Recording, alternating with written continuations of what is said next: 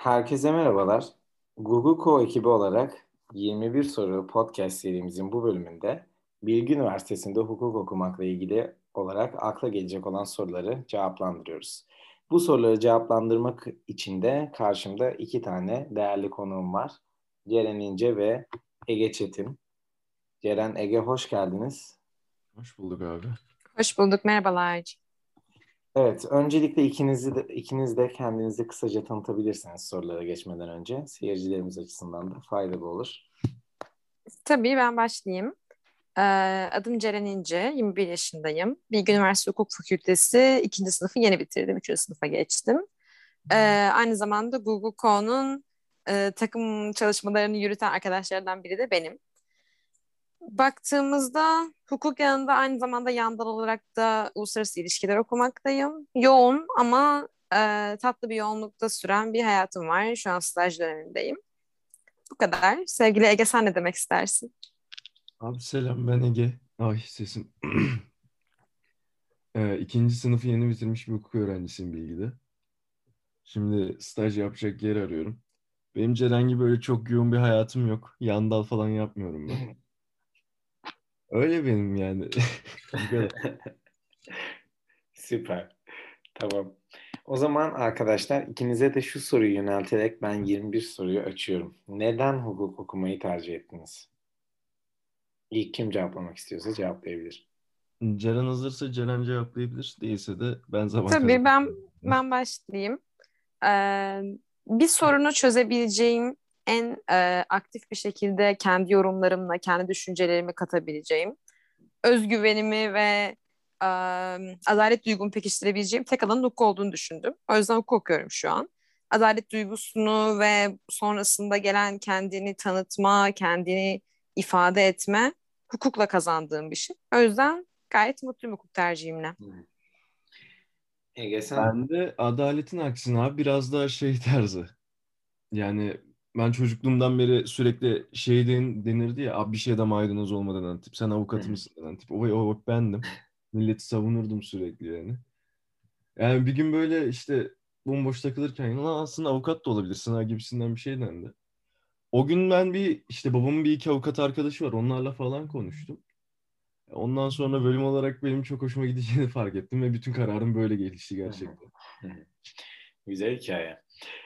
Peki ikiniz de farklı sebeplerden dolayı hukuk okumayı tercih etmişsiniz ama bu tercihinizi neden Bilgi Üniversitesi'nde, e, Bilgi Üniversitesi lehine gerçekleştirdiniz? Neden orada okumayı tercih ettiniz?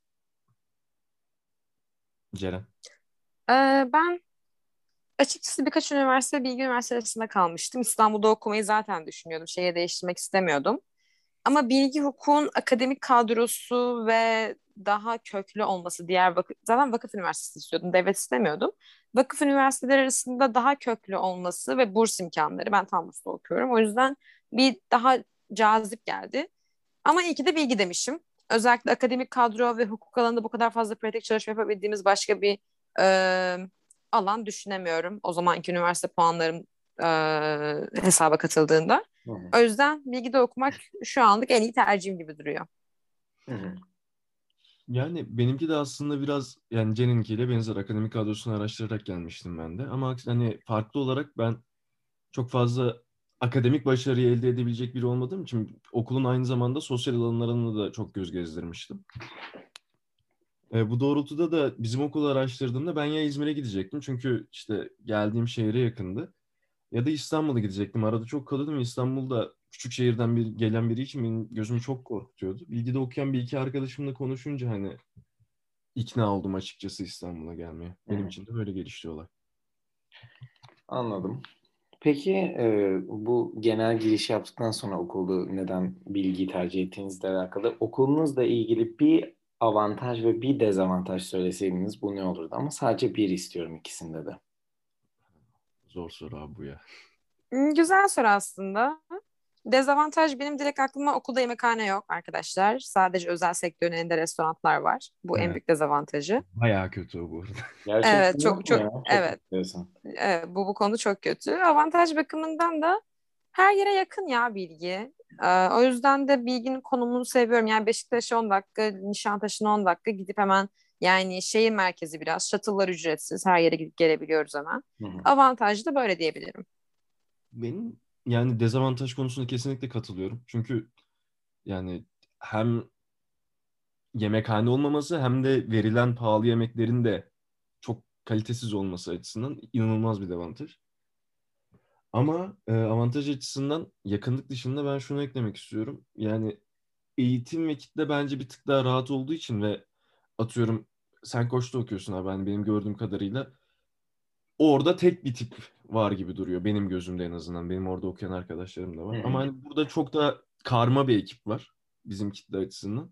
O benim biraz daha hoşuma gidiyor. Ben çünkü insanlarla takılmayı da çok seviyorum. Hani Hı.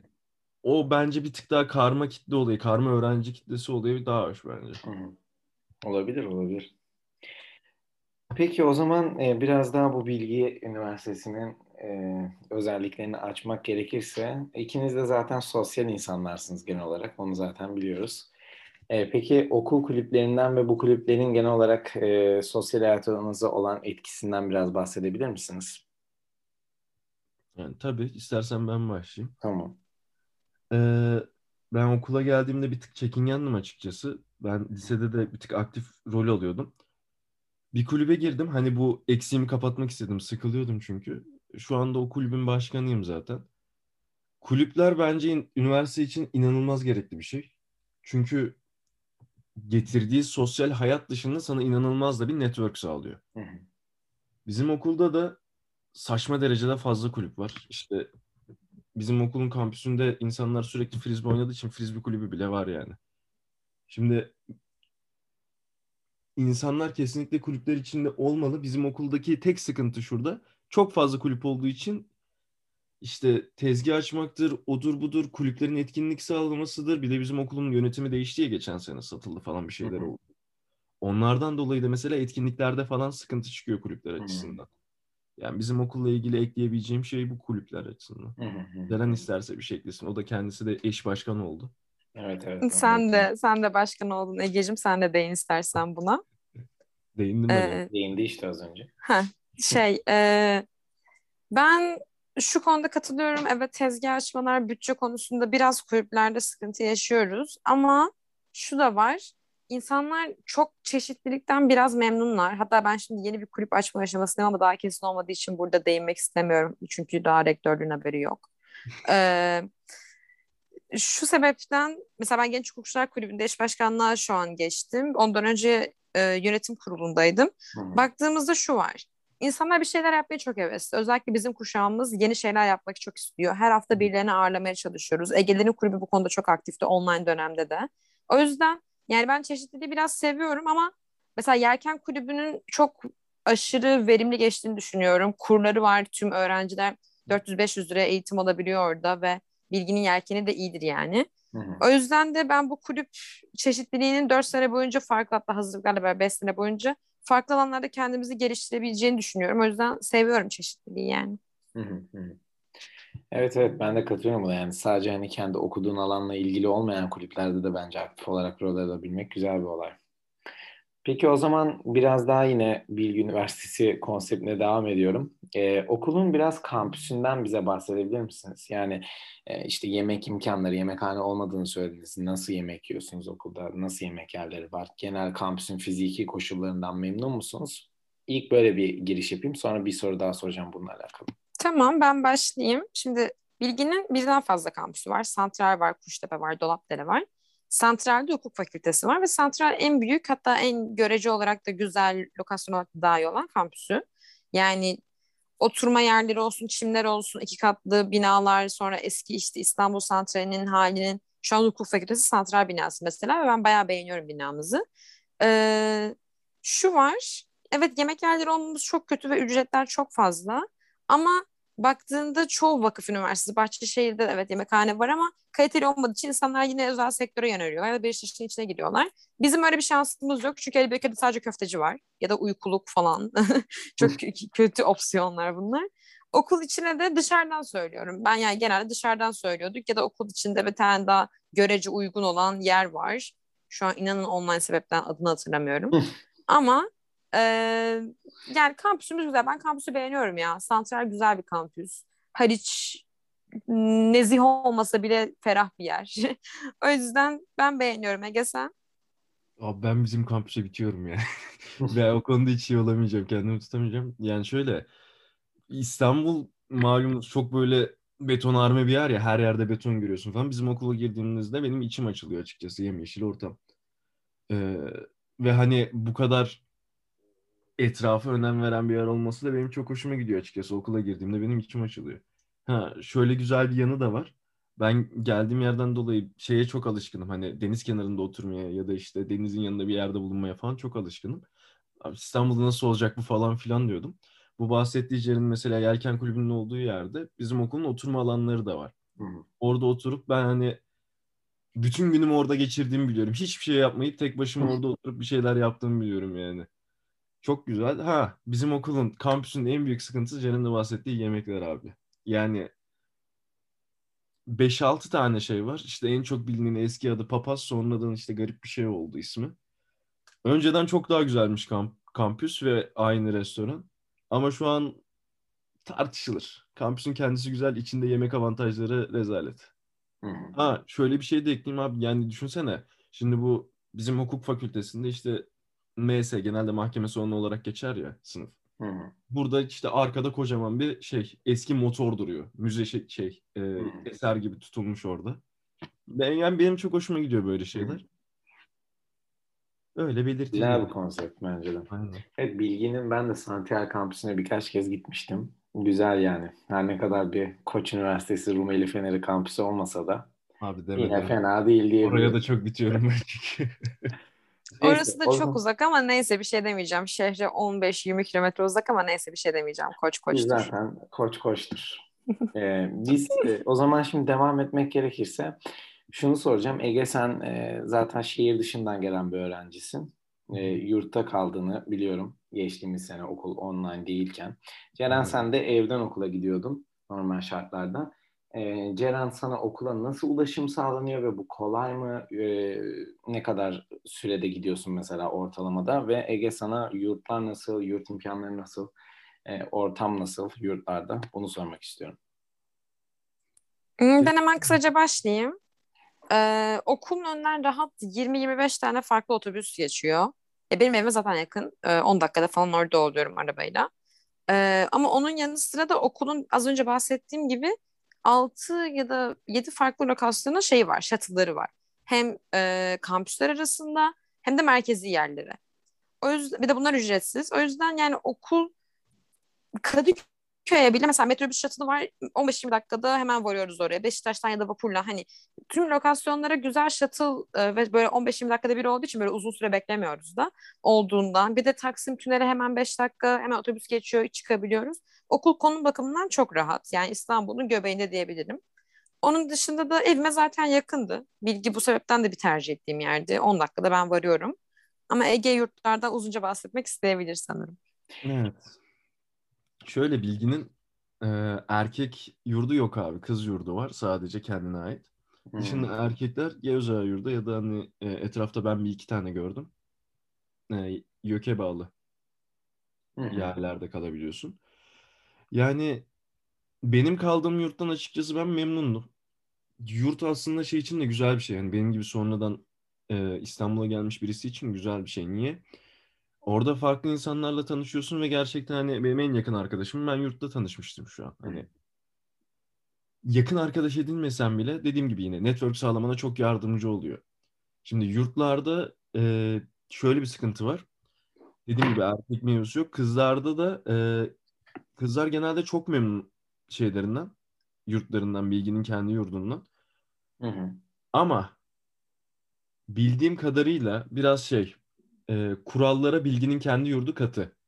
Yine şey yapabiliyorsun atıyorum hani benim kendi gittiğim yurdumda şey falan yoktu. İşte gel git de anneye falan numara ver. İşte onlara mesaj gitsin falan mevzusu yoktu. Orada sanırım bunu mesela hani özel olarak konuşman değerlendirmen falan gerekiyor. Tam hatırlamıyorum şimdi. Yurtlar bizde genel olarak güzel abi. Okula çok yakınlar. 3 dakikada yürüyordum ben hani rahat bir şekilde gidiyordum. Hiçbir sorun olmuyordu. Benim kaldığım yurtta her yurt şey yapmıyor.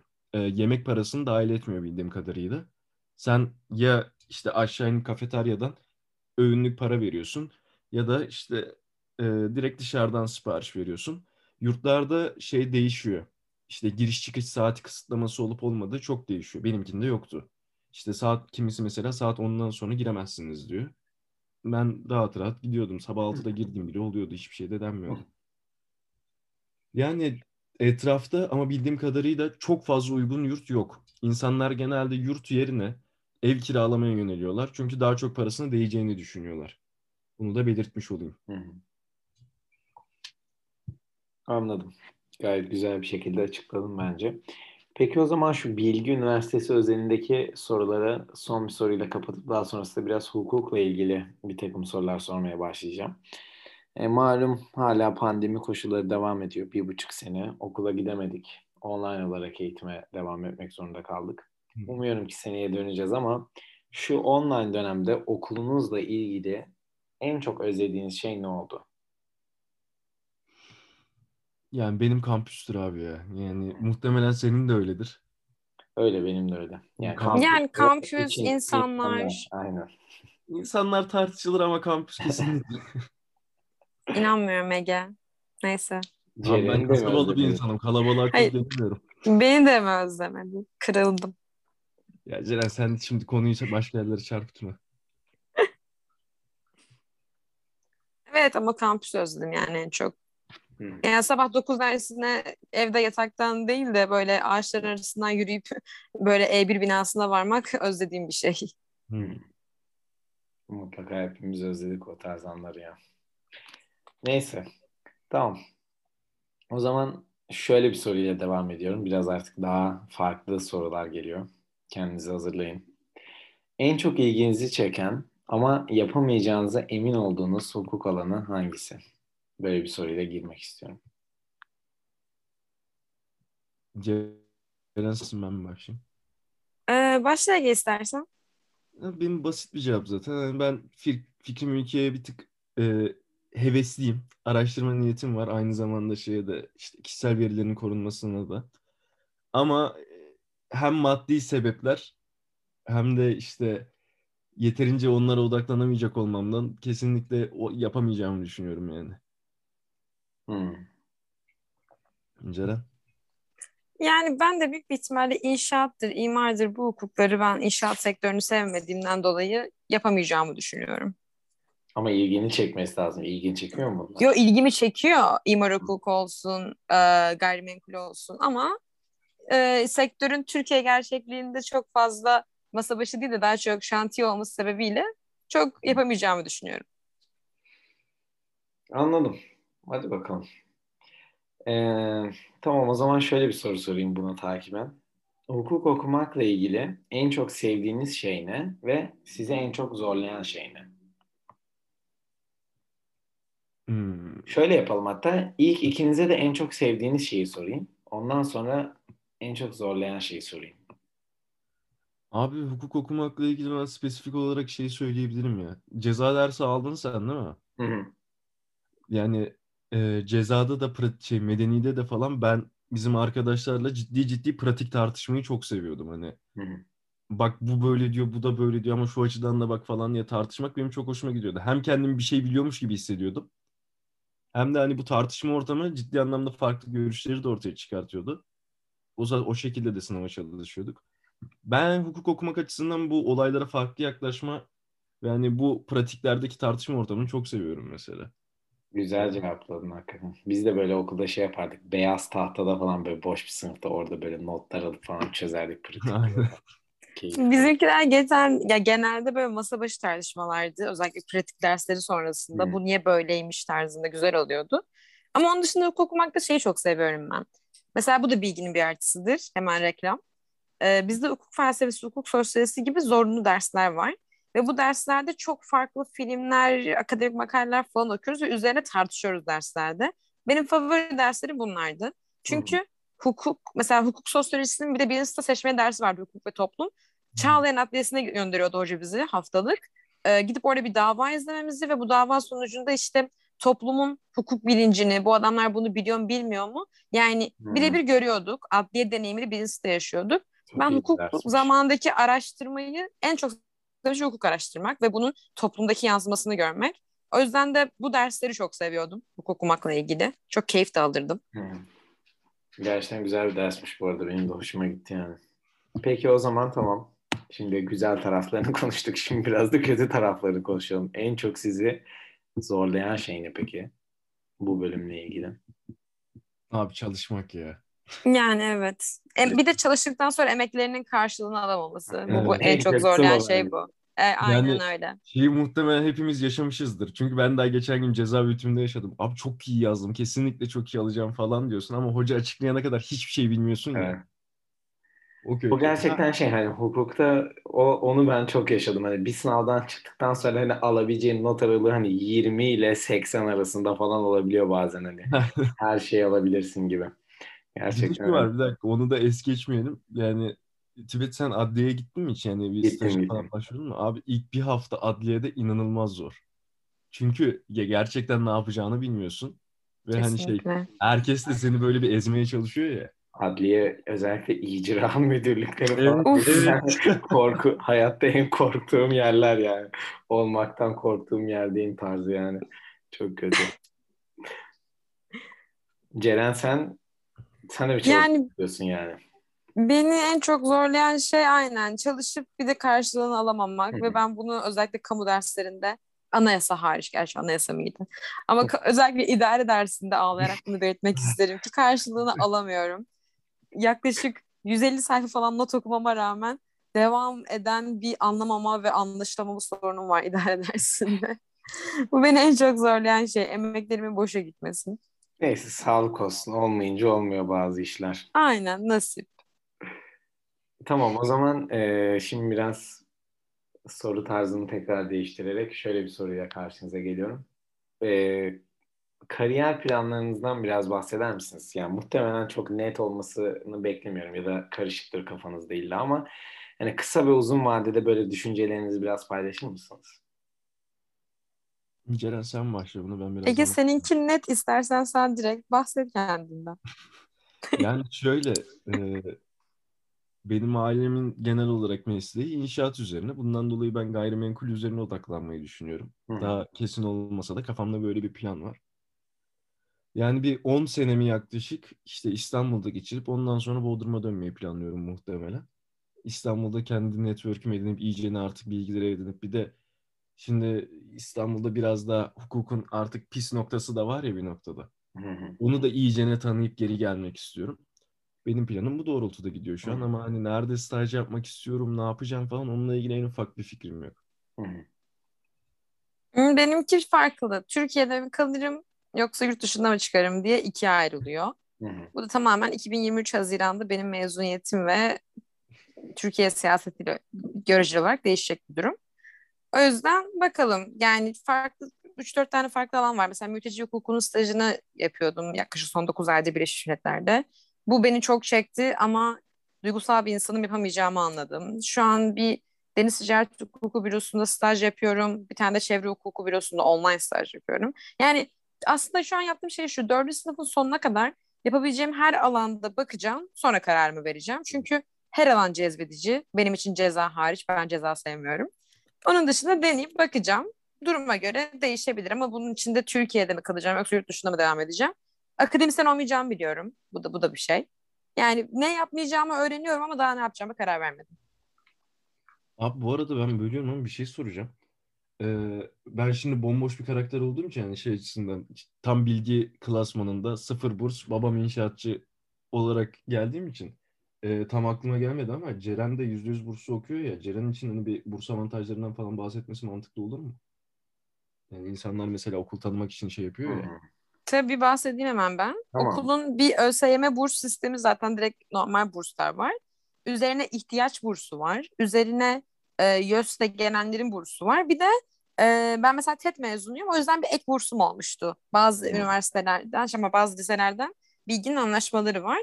Ama bilgi şu an tabii şey değişti, yönetim değişti bilmiyorum ama bu zamana kadar genelde burslarıyla bilinen, öğrencisine destek olan bir kurumdu ama şu an ya ben geldikten sonra yönetim değiştiği için şu an ne alemde inanın bilmiyorum. Hı hı. Ama ihtiyaç bursu olan arkadaşlarım var. Geçen sene %10, %20 indirimlere girildiği biliyorum Covid döneminde be- belli belgelerle. Başarı bursu var. 3.50 üstü tabii hukukta yapabilen varsa buyursun, başvursun. Ee, böyle yani bilginin burs imkanları iyidir. Ayrıca daha fazla burslu öğrenci, yüzde sıfır bursluya göre daha fazla burslu öğrenci alır. Hı hı. Bu konuda da iyidir. Bu kadar. Süper. Tamam o zaman e, Ege hatırlattığı için teşekkürler bu arada. Bu da değerli bir kısım yani bu tarz imkanları da sonuçta insanlar tercih yaparken şey yapıyor. Bu arada evet bizi dinleyenlerden de eğer e, bu sene üniversite sınavına girmiş ve tercih sürecine girecek olanlar varsa umarım hayırlısı olur herkesle ilgili. E, tamam ne demiştim? Hı, şu soruyla devam ediyorum. Hukuk haricinde ilgi alanlarınızdan biraz bahseder misiniz ve bu alanlarda kendinizi geliştirmek için neler yapıyorsunuz? Ceren? Ben başlayayım e, istersen. Ee, ben 6-7 senedir farklı kurumlarda girişimcilik eğitimleri alıyorum. Girişimcilik, liderlik, takım yönetimi. İşte şu anda da en son TİSK ve yeni bir liderle geçen hafta genç kadın liderlere başladım. Bir de bunun Amerika ayağı var. Amerika'da e, bir eğitim alıyorum son bir buçuk senedir. Önümüzdeki yazda gidip mezun olacağım. Umarım bir Amerika'ya varıp kapatabilirsem eğer. O da yine girişimcilik ve finans üzerine. O yüzden belki ekonomi hukuku yüksek lisans yapmayı planlıyorum açıkçası. Girişimciliği seviyorum. Bu konuda da bayağı eğitimlerini alıyorum. Kendimi geliştirmeye çalışıyorum. Ee, bu kadar yani en fazla bunlar var. Onun dışında da ilgi alanlarım arasında hukuk dışında satranç var. Yıllardır oynarım. Çok da farklı alanlar yok. Hı hı. Yani bende Ceren'in aksine çok akademik değil tamamen kendi keyfime yönelik kişisel gelişim var. Şöyle ben kendi kişisel hayatımda zaten hani e, sanata merakım var işte daha sanattan çok yaratıcılığa merakım var. Bunu araştırdım işte her sektörde müzikte, oyunda, filmde. Bunları araştırmayı çok severim. E, onun dışında işte farklı alanlarda kendimi geliştirmeye çalışırım. İşte kokteyl yapmayı öğrenmeye çalışırım. Başka bir şey yaparım. Onun dışında yanlışlıkla işte bir kulübe girdik. Onunla başkan olduk. Nasıl oldu ben de anlamadım. Ee, oradayım işletme kulübünde. Yani şöyle abi hukukla ilgili şöyle bir şey var. Buna muhtemelen siz de katılırsınız. Yaptığın her şey meslekte de bir yerde karşına geliyor ya. Çünkü biz hala meslekte değiliz de yaptığım stajlarda gördüm. Ben hani şeyi hatırlıyorum ben. Bir işte kat mülkiyeti davası vardı. Orada ne zaman yapıldığını görmek için bizim avukat şey biliyordu mesela. İşte cam mekanın içinde yazar o. Ona bakın falan diyordu. Hı. Hani farklı yerden yerden de edindiğim bilgiler senin işine yarıyor aslında. Sadece ben avukatım deyip hukuk bilmekle geçmiyor. Zaten geçen gün bizimle bir röportajını yaptığımız kadın aynısını söylemişti. Dünya Bankası'nda çalışan. İsmini gerçekten hatırlamıyorum şu an. İşte yani farklı alanlarda bir şey bilmek, farklı alanlarda kendini olabildiğince geliştirmek hem işte meslekteki şeyde işe yarıyor. Bu hukuki süreçlerde işe yarıyor. Hem de farklı insanlarla tanışırken farklı konularda konuşabildiğiniz için onları da kendinize çekebilmenizi sağlıyor. O açıdan bence çok önemli. Hı hı. Çok da uzatmış olabilirim lafı bu arada. Yok yok gayet güzel bir şekilde bence anlattın. Tamam. O zaman şöyle bir soruya devam ediyorum. Hukuk fakültesine başlamadan önce keşke bilseydim dediğiniz bir şey var mı? Yani önceden bir şeye hazırlıklı gelmek isteseydiniz ne olurdu bu? İdare dersinin varlığı. Bu kadar yani. Keşke bilseydim ve hazırlıklı olsaydım. Ceren de aynı cevabı verebilir buna herhalde. Yüzde yüz katılıyorum. Kaşe imza, idare dersi. Yani bizi zorladı, bizi bir yordu. Bir de online. Yani keşke mesela pandeminin geleceğini bilseydim de e, diyebilirim. Fakültesinden önce de online bunları okuyacakmışım diye. Öyle diyebilirdim. Bu kadar kitap almasaydım online'sa diye. Çok kitap aldım Bir şey mesela. soracağım abi bu arada. Size de aynı hoca mı giriyor idarede? Evet onlarda da aynı. Bizim Tamam. aynı, aynı. Pek çok sorumsuz cevaplar. Yani Evet evet yok ben sizi anlıyorum sıkıntı yok. Evet neyse şey Daha fazla yapmayalım. detaya girmeyelim. Herhangi bir problem yaşamayalım. aynen. Ee, evet. O zaman arkadaşlar kamu hukuku mu özel hukuk mu? özel abi özel. Zaten bu kadar idare sohbeti üstüne bir Aynen. cevabı çıksa birazcık şey olurdu yani. Yani kesinlikle özel. Hiç yani şey yok ama birincisi de en başarılı şeyim hep anayasaydı. Medeniden daha iyiydi anayasa. Anayasayı çok severdim. Evet ben anayasayı Ceren sayesinde geçtim arkadaşlar bu arada. Ama anayasa zaten genel olarak hani kamu hukuku dersleri arasında yine en çok sevilendir yani. Çünkü insan Aynen. hani hem ilk sene almamızda da belki bir ilgisi vardır ama Güzel bir ders. Ben de severim anayasayı. Abi hayır şey her şeyin girişi biraz bir güzeldir ya. Anayasada Aynen. tam İlk çok iyi geliyor fazlasını bilmeye gerek yokmuş Aynen. gibi hissediyorsun abi. Aynen öyle. Ee, tamam. O zaman şöyle bir soruyla devam edelim. Ceren, zaten cezacı olmam dedin ama hadi diyelim ki cezacı oldun. Savunmam diyeceğin bir suç olur muydu? Yoksa herkesin savunulma hakkı var mı sence? Ee, bunu geçen hafta da konuştuk. Hı hı. Ben cinsel istismar, taciz, e, kadın cinayeti ne olursa olsun savunmam. Bu konuda da gayet kırmızı çizgim bellidir yani. Herkesin de savunma hakkı olduğunu maalesef düşünmüyorum. Bu beni iyi bir hukukçu ya da kötü bir hukukçu yapar mı bilmiyorum ama bu alanlarda özellikle çocuk istismarı ki son 10 gündür Türkiye'de yaşadığımız haberler belli. Evet. Yok savunmam. Yani ben de şöyle ben herkesin savunulmaya hakkı olduğunu düşünüyorum ama abi yani öyle şeyler görüyoruz ki haberlerde. Hı hı. Gerçekten bunu da savunmasam mı acaba diyorsun ya. Çünkü Hı. şöyle bazı hani CMK mevzusunu biliyorsunuz bazen hani açıyorsun onu bir olay oluyor avukatı olmayan için barodan sen atanıyorsun sen gidiyorsun falan. Hı hı hı. Yani bunu olup da işte bunu alıp daha sonra özel olarak anlaşma yapan avukatlar var. Bu anlaşılabilir bir şey işte. Hani Hırsızlıktır, odur budur ama atıyorum tacizdir, çocuk istismarıdır, kadına şiddettir. Bunlarda acaba hani tamam aldınız bunları ama çok da şey yapmasanız ben ciddi ciddi savunmak yerine işte lehine şey varsa madde varsa uygulansın deyip geçseniz mi? Çünkü sanki çok savunulacak bir şey yani benim kalbim almıyor açıkçası çok fazla. Hı. Ya sonuçta orada tabii yani illa hani bir suçun olmadığını isnat etmek ayrı bir şey. Hani savunmak derken tabii bizim burada kastımız hani hak ettiği cezayı almasını bir noktada sağlayacak rehberliği yapmak olarak düşünmek lazım sadece. Avukatın daha fazlasına zaten görevi yok yani. Ama doğrusu yani bunlar tabii ki hassas noktalar genel olarak. Neyse tamam. O zaman çok bu tarz konulara girmeden şöyle bir soruyla devam edeyim hemen. Hakim, savcılık mı yoksa avukatlık mı? Ama bu da sizin şu ana kadar konuşmanızdan bence belli bir cevap ama Evet. soruyoruz yine de. Avukatlık. Ege ile Peki ben neden ileride hakim savcılık olmak istemezdiniz? Yani neden? Ee, neden hakim savcı olmak istemezdim? Çünkü e, dürüst konuşuyoruz. Türkiye'de çok umudumun olduğunu düşünmüyorum hakim savcı olmak için. Belli bir atama sistemi var. O da bize he, noterde bile gelmez. Yani beni bir devlete almazlar gibi geliyor. O yüzden de Noter olmak bu arada daha zor muhtemelen. evet o sıranın gelmesi yani en fazla Hakkari'ye falan başvurabilirim böyle bir şey için. Evet. Ee, onun dışında da avukatlık hiç değilse özgür, yani sonuç olarak hukuk mesleği insanlara az önce söyledim. Özgür bir şekilde kendi düşüncemi söylemem. Hakim ve savcılıkta bu özgürlüğümün elimden alınacağını düşünüyorum. O yüzden avukatlık. Abi ben de şöyle biraz benim istememin sebebi bu özgürlüğün kısıtlanması mevzu sadece mesleğinde de kalmıyor. Atıyorum çıkıyorsun bir yere gittiğinde hakim savcısın. Yatağa girdiğinde hakim savcısın. Yemek yerken hakim savcısın. Yani ondan hiç kurtulamıyorsun. Hı hı. Yani Çok iyi. ben rahat yaşamayı seven de bir İyi bir yere git bir yere gittiğim zaman mesela bunun sürekli beni geride tutmasını sevmem. Hı hı. Bunun Hocam hiçbir ya sonuçta bu meslekler zaten belli bir hani- hayat tarzını da yanında getiren şeyler yani bir noktada. Evet. Doğru. Bir de zaten Ceren'in dediği kısım da var. Öyle olunca iyicene zaten soğuyorsun. Hı. Tamam. O zaman bunu da bir yana bırakırsak not veya işte çözümlü pratiklerden çalışmak mı yoksa oturup ben kitabı baştan sona bir okurum arkadaş mı?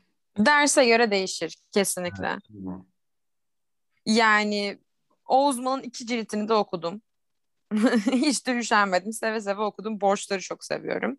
Ama hayatta cezada pratik dışında bir şey okumadım mesela. Hiç kitabını bile almadım cezanın. Bak şimdi ama ben cezaya da böyle yapmasak mı? Ceza mis gibi ders abi. Niye öyle diyorsun? Ceza mis gibi ders olabilir. İkinizin sayesinde yardımlarınızla pratiklerimi tamamlamış olabilirim. Bu, bu apayrı bir konu. Ama e, ben borçlar seviyorum. Onu da keyif olarak Ozban'ı okudum mesela. Onun dışında uluslararasında en çok onu okumuşumdur. Yani üç tane kitap okudum. Ya, kitap okumayı sevdiğim dersler var. Bazı derslerde pratik okuyup ya bu tamamen şeyle ilgili bir şey. Dersi geçmek için mi okuyorsun, dersi öğrenmek için mi okuyorsun Evet. alakalı bir şey bence. Yani şöyle ben açıkçası bu sene hiç kitap bile almadım. Çünkü parama yazık dedim.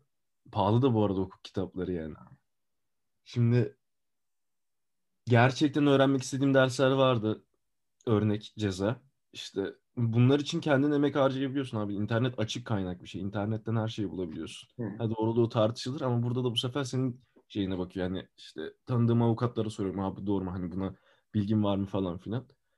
Öğrenmek istediğin zaman yani kitap bir noktada çok güzel bir kaynak ama benlik bir şey değildi. Ben bütün seneyi tamamen pratiklerle geçirdim. Pardon, geçemedim. Üç tane dersten kaldım ama yani yani geçirdim. Pratikler açıkçası biraz daha şey oluyor. Doktrinlerde mesela hani bu kitaplarda falan vesaire dil ağır oluyor ya. Dil ağır olduğu için bazen anlaması zor olabiliyor. Tekrar tekrar okuyorsun. Bu da seni daha da yoruyor. Ha, anlamıyorum diye moralin de bozuluyor. Hı. Pratiklerde yani bizim mesela cezada da borçlarda da pratikçimiz çok iyiydi. Yani ikisini de çok severim ben. Onların anlattığı hem daha e, dünyadan bir şey olduğu için rahat anlayabiliyorsun. Hem de kendinle bağdaştırabiliyorsun. O yüzden bence pratikler daha iyi ya. Evet. Yani ben de burada bu arada Ceren'in dediğine bir noktada katılıyorum. Yani biraz dersle olan ilgiyle de alakalı oluyor. Çünkü hani öbür türlü çok işkence gibi de oluyor yani. Oturup da sonuçta ilginizi çekmeyen de o kadar umurunuzda olmayan bir şeyle 500, 600, 700, 800 sayfa okum, okunmaz yani.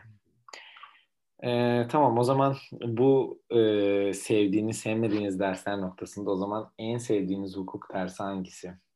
Ve neden? Milletler arası hukuk. En sevdiğim ders. Çünkü Türkiye dışındaki yerlerde de işe yarayacağını bildiğim için sevgiyle okuyorum. Çok eğlenceli bir ders, çok keyif aldığım bir ders. Vize final notlarım çok düşük olabilir, bu benim sorunum değil. Ama keyif alarak okuduğum, pratiklerinde tek konuştuğum, yani hatta okulda bir tek ben pratiklerinde konuşuyorum, o kadar keyif alıyorum dersten, çok okumasını yapıyorum. En sevdiğim ders budur. Bu net, net çizgim. Yani Peki. benim herhalde cezadır abi ya benim. Çünkü şey şu an işlediğimiz dersleri düşündüğümde ikisi arasında kalıyorum ben. Biri işte şey legal thinking diye bir ders vardı bizde ilk sene. Hı hı. Ceren'in bahsettiği işte e, felsefi düşünce dersinin ilk girişiydi. O zorunlu olarak veriliyor zaten. Bu sene de hukuki felsefe aldık zaten. Yani onda çok eğlenmiştim mesela ve işte Kubrick'le tanıştırmıştı beni. Şey Pets of Glory'yi izletmişlerdi. Hı hı. Ee, ikisi arasında kaldığımda cezaya giderim çünkü cezanda şöyle bir yanı var. Bu bahsettiğim tartışma olayı abi yine. Sen siz daha mı ceza özel görmediniz değil mi? Açma o konuyu. Ben şeyde gördüm biraz. Avukatın yanında gördüm biraz da ders olarak görmedim. özel tamamlamış bir öğrenci olarak kolaylıklar diliyorum seni arkadaşlar. Benim de bu arada en sevdiğim ders milletler arası. Değil mi ya? Değil Evet. mi? Ne kadar sevgi dolu Abbas'ı okumak falan. Yani Bir de bizim Bay- okulda. İngilizce olarak. yani- bizde de İngilizce arkadaşlar. Bilgiye gelirsiniz eğer ağır bir İngiliz aksanlı İngilizce ile beraber öğreneceksiniz. Evet. Haberiniz olsun. Aynen. Ve bazen şeyler çıkıyor. Bazı çiftten odalcılar çıkıyor. Abi ders Türkçe yapabilir miyiz diyorlar. Onları kulak, kulak asmayın. Ama şu da var. Bence bu ders kesinlikle İngilizce öğretilmeli. Çünkü Türkçe Evet, kitaplarını evet. okuyunca anlamını yitirdiğini düşünüyorum. Evet, Çünkü evet. çoğu şeyin Türkçe çevrilmiş hali yok. O yüzden de yanlış çeviri dolu ortalık bu derste. Bence bu ders İngilizce olmalı. Çok da güzel. Ya bu bir de haliyle. zaten sadece yani Türkiye ile özel olarak hiçbir alakası olmayan bir konu olduğu için zaten Türkçe olmasında hiçbir anlamı yok yani. Aynen öyle. Ya bir de şey yani terimler genel olarak İngilizce ya, yani Aynen. mecbur olarak bilmek zorundasın aslında. Sadece şöyle bir şey var. İlk girdiğinde mesela İngilizce olarak derse ben İngilizce bilmediğimi fark ettim orada. Yani o kadar fazla o kadar ağır bir dil var ki tekrar İngilizce öğreniyormuş gibi hissettim. Olsun öğrenmek iyidir tekrar da olsa boş ver. O zaman tamam. E, Buna gerçi bence belki başka bir şey çıkar da zaten şu ana kadar cevap bence gibi ama en sevdiğinizin zıttı olarak en nefret ettiğiniz, en sevmediğiniz hukuk dersi hangisi ve neden? Nedeni de önemli. Yani, Yani Ceren- hep idare dedik buna. Evet ben de onu diyorum. Hani başka orijinal Ama bir cevap çıkacak mı Bir acaba şey diye. söyleyeyim ben Medeni 2'yi de çok sevmedim. Ben bir drama sevmem, ailedir, Nasıl? boşanmadır, şeydir. Ben bir Aile sevmedim. hukukundan bahsediyorsun. Evet aile hukuku, Medeni 2 bizim için. Onu, onu da bir sevmedim. Çok böyle drama geldi Şey bana. Olacak iş değil. Hiç böyle bir cevap du- duymadım ben. Evet. hayatımda. Bu arada Medeni'de de inanılmaz bir karakter var bizde. Yalçın Tosun. İnanılmaz Harika bir bir hoca. Harika Evet. bir hoca. Hani Sırf şaşırdım onun ben şu an. hatırına Medeni. 2'yi nasıl sevmemiş olabilirsin diye. Hayır ben Yalçın Hoca'nın derslerini çok seviyorum. Konuyu çok sevmedim. Yoksa Ya hani- Yalçın Hoca harika bir hoca. herkes dersi dinlemeli ve öğrenmeli ama sırf Yalçın Hoca olduğu için. Ben sen en nefret ettiğin ders soruyorum. Mesela Evet. aile hukuku idareden daha mı çok nefret ediyorsun? Aa, hayır ben hep idare demeyelim diye. Sen dedin ya farklı bir cevap istiyorum. Yoksa Tamam. idare canım tabii ki idare. Ege sen idare ediyorsun. Evet abi benim idare net. Tamam geçiyorum o zaman bu soruyu. Peki o zaman şimdi şu son birkaç tane soru soruyorum. En sonunda ilginç bir soruyla kapatacağım. Şu güzel bir soru bence. Sizce hukuk abartıldığı kadar zor bir bölüm mü? Çünkü yani hukukun gerçekten tamam hani zor olduğu ile ilgili hani ne bileyim sosyal medyaya girin bir orada burada yani hukuk çok zor, çok zor, çok zor. Gerçekten zor mu o kadar? Ne düşünüyorsunuz? Ege, sen söyle istersen. Yani şöyle e, buna muhtemelen siz de katılırsınız. Abi sevmezsen çalışmak işkence hukuka. Yani sevmediğin Aynen öyle. Aynen. Evet. Aynen öyle. çalışma yani ben şu an çalışırken gayet okeyim. Ders dinlerken de keyif alıyorum. Yani bu olduğu için de açıkçası bana çok zor gelmiyor. Ha insanların gözünde de bir de bu arada şey var işte. Kanunu ezberliyorsunuz. Onu yapıyorsunuz. Odur oraya 300 geleceğiz. O bir sayfa, sonraki 400 soru. sayfa okuyorsun. Aynen hani bu olduğu için insanlar da olduğundan da zor olarak düşünüyor ama bence hani sevdiğin zaman zaten o metinleri okumak, dersleri dinlemek gayet keyifli olduğu için bence şey değil. Ha, ama gerçekten işte sınavları halletmek bir tık zor olabiliyor. Ama bu da tartışılır yani. Çalıştığın konuya göre, ilgin olana göre hareket edebiliyorsun. Yani şöyle söyleyebilirim. En nefret ettiğin, en sevmediğin, en ilgini çekmeyen derse hazırlanırken bile eğer keyif alıyorsan ki ben alıyorum ve hukuku birinin zorlamasıyla okumuyorsan hukuk zor değil. Çünkü sen öğrendiğin şeyin yanına kar kalması ayrı bir şey. Öğrendiğin şeyi böyle kullanacağın yerleri hayal etmen ayrı bir şey. Hı. O yüzden böyle birinin zoruyla okuyorsanız kesinlikle hukuk ya da tıp aynen böyle. Zorla okunulacak, annem babam istiyor diye okunulacak bölüm kesinlikle Hı hı. değil. Kesinlikle siz o 4 sene, hazırlıksa varsa 5 sene ki uzatmadan çok az okuyan insan var. 5,5 sene işkence geçer. Ama siz cidden isteyerek ve bunun sonrasında hedefleriniz, planlarınız varsa okuyorsanız hukuk herkesin o bir, bence zaten hukuk herkese verilmesi gereken bir eğitim. Bu konuda da ayrı bir düşüncem var. Aslında Yani bu arada çok şey de veriliyor. Sadece bizde geçelim gitsin diyordu. Şeyde falan Evet. evet. sen. Bu Anadolu Üniversitesi'nden ikinci eğitimi alıyoruz ya. Onda da mesela hukuk veriliyor. Hukuk Aynen öyle. Bence herkesin alması gereken bir eğitim ama e, dediğim gibi zorla okunacak bir eğitim değil. Abartıldığı kadar zor olduğunu düşündüğüm dersler var. Evet bazıları cidden yoruyor çalışırken insanı ama hukuk abartıldığı kadar zor değil. Bazı dersler spesifik olarak zor olabilir ama hukuk abartıldığı kadar zor değil kesinlikle. Ya bir de şey açısından çok güzel. Şimdi günümüzde en azından günümüz Türkiye'sinde bazı bilgilere ulaşmak çok şey ya kahve siyaseti ya herkes kulak, kulaktan dolmayı da hareket ediyor. Yani onların da aslında aslını öğreniyorsun ya. Hı hı. Hani aslında böyleymiş. Böyle bir hakkımız varmış. Böyle bir hakkımız yokmuş.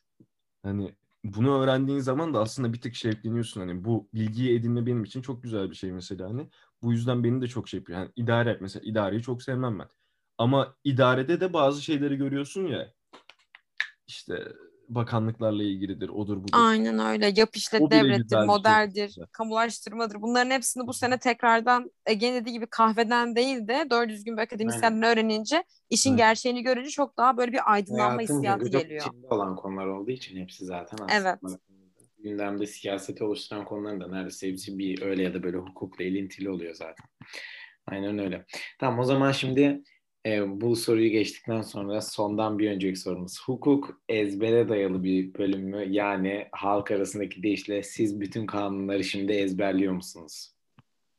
Abi Kesinlikle mi? hayır. Kes- Keşke ezbere dayalı olsa da hayat daha kolay olsa yani. Evet. Yani kesinlikle hayır. Ben şu an bana sorsanız yani 3-5 tane çok spesifik madde dışında da çok fazla çalışmaktan ve göz aşinalığından hiçbir şey ezbere bilmem. Hukuk tamamen muhakeme yeteneğinin gerektiği bir bölümdür. Ezberle yürümez. Ezberle en fazla Roma hukukunu geçersiniz arkadaşlar. Onu da çok zorla geçersiniz söyleyeyim yani. O yüzden hukukun kesinlikle ezbere dayalı bölüm olduğunu düşünmüyorum. Ha neyin nerede olduğunu bilmeniz gerekiyor. Ezber derken mesela neye bakmanız gerektiğini bileceksiniz. Mesela bir kitabı o uzmanın cilt birinde ve cilt ikisinde hangi konunun olduğunu bil. Bu ama ezberlik bir şey değil. Bu sadece çok çalıştıktan sonra artık neyin nerede olduğunu aşina olmak. Hukuk tamamen muhakemedir ya. Ezberli hayatta yürümez. İmkansız yani davada yürümez. Hadi hukuku bir şekilde fotokopiyle ezberle bitirdin. Adliyede ne yapacaksın yani? Kime ne diyeceksin? Ne ezberi söyleyeceksin? Anayasayı mı ezberli söyleyeceksin icra müdürüne? Hani yok öyle bir şey. Yani şöyle aslında o ezber mevzusu da şurada devreye giriyor. Şimdi e, avukatlar belli alana göre yöneliyor ya. Bu alanda da hani doğal olarak konuya hakim olmak için birçok kanunu tekrar tekrar kullanmaktan ya da araştırıp bulmaktan falan artık hakim oluyor kendi konusuna göre. Bu hakimiyetten dolayı da insanlar bütün kanunları çok iyi biliyor. Bilmek zorunda çünkü böyle mezun oluyorlar falan diye düşünüyor. Ama öyle bir şey yok tabii abi. Hepimiz görüyoruz çünkü hani imkanı yok. çok zor. imkanı yok. Doğru doğru gerçekten. Peki o zaman arkadaşlar son soru şu. Bir hukuk dersinde öğrendiğiniz ve hiç aklınızdan çıkmayan şaşırtıcı bir bilgi var mı bizle paylaşmak istediğiniz ilginç bir bilgi? Geliyor mu aklınıza bir şey? Abi benim şey olabilir ya bir ara Yalçın Hoca bize şeyi anlatmıştı işte. Ee,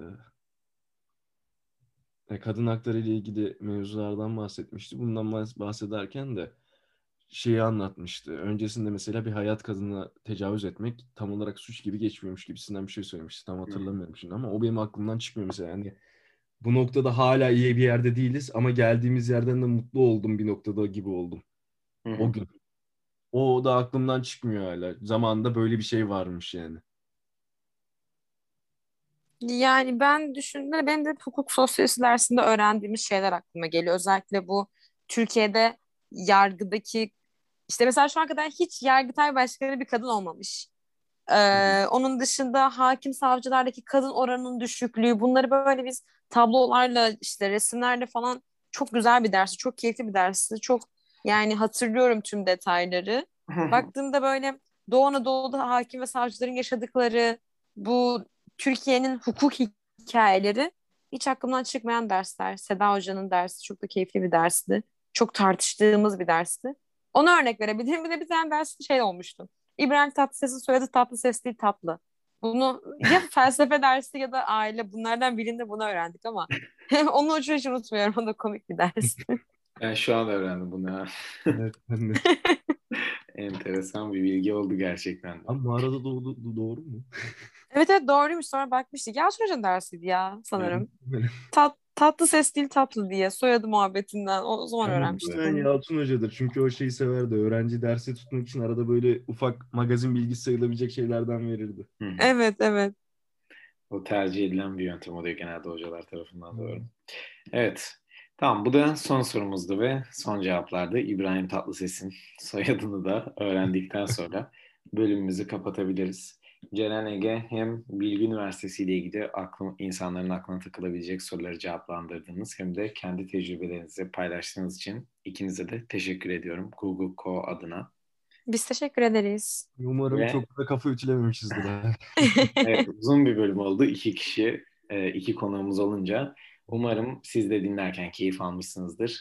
Herkese iyi günler diliyoruz.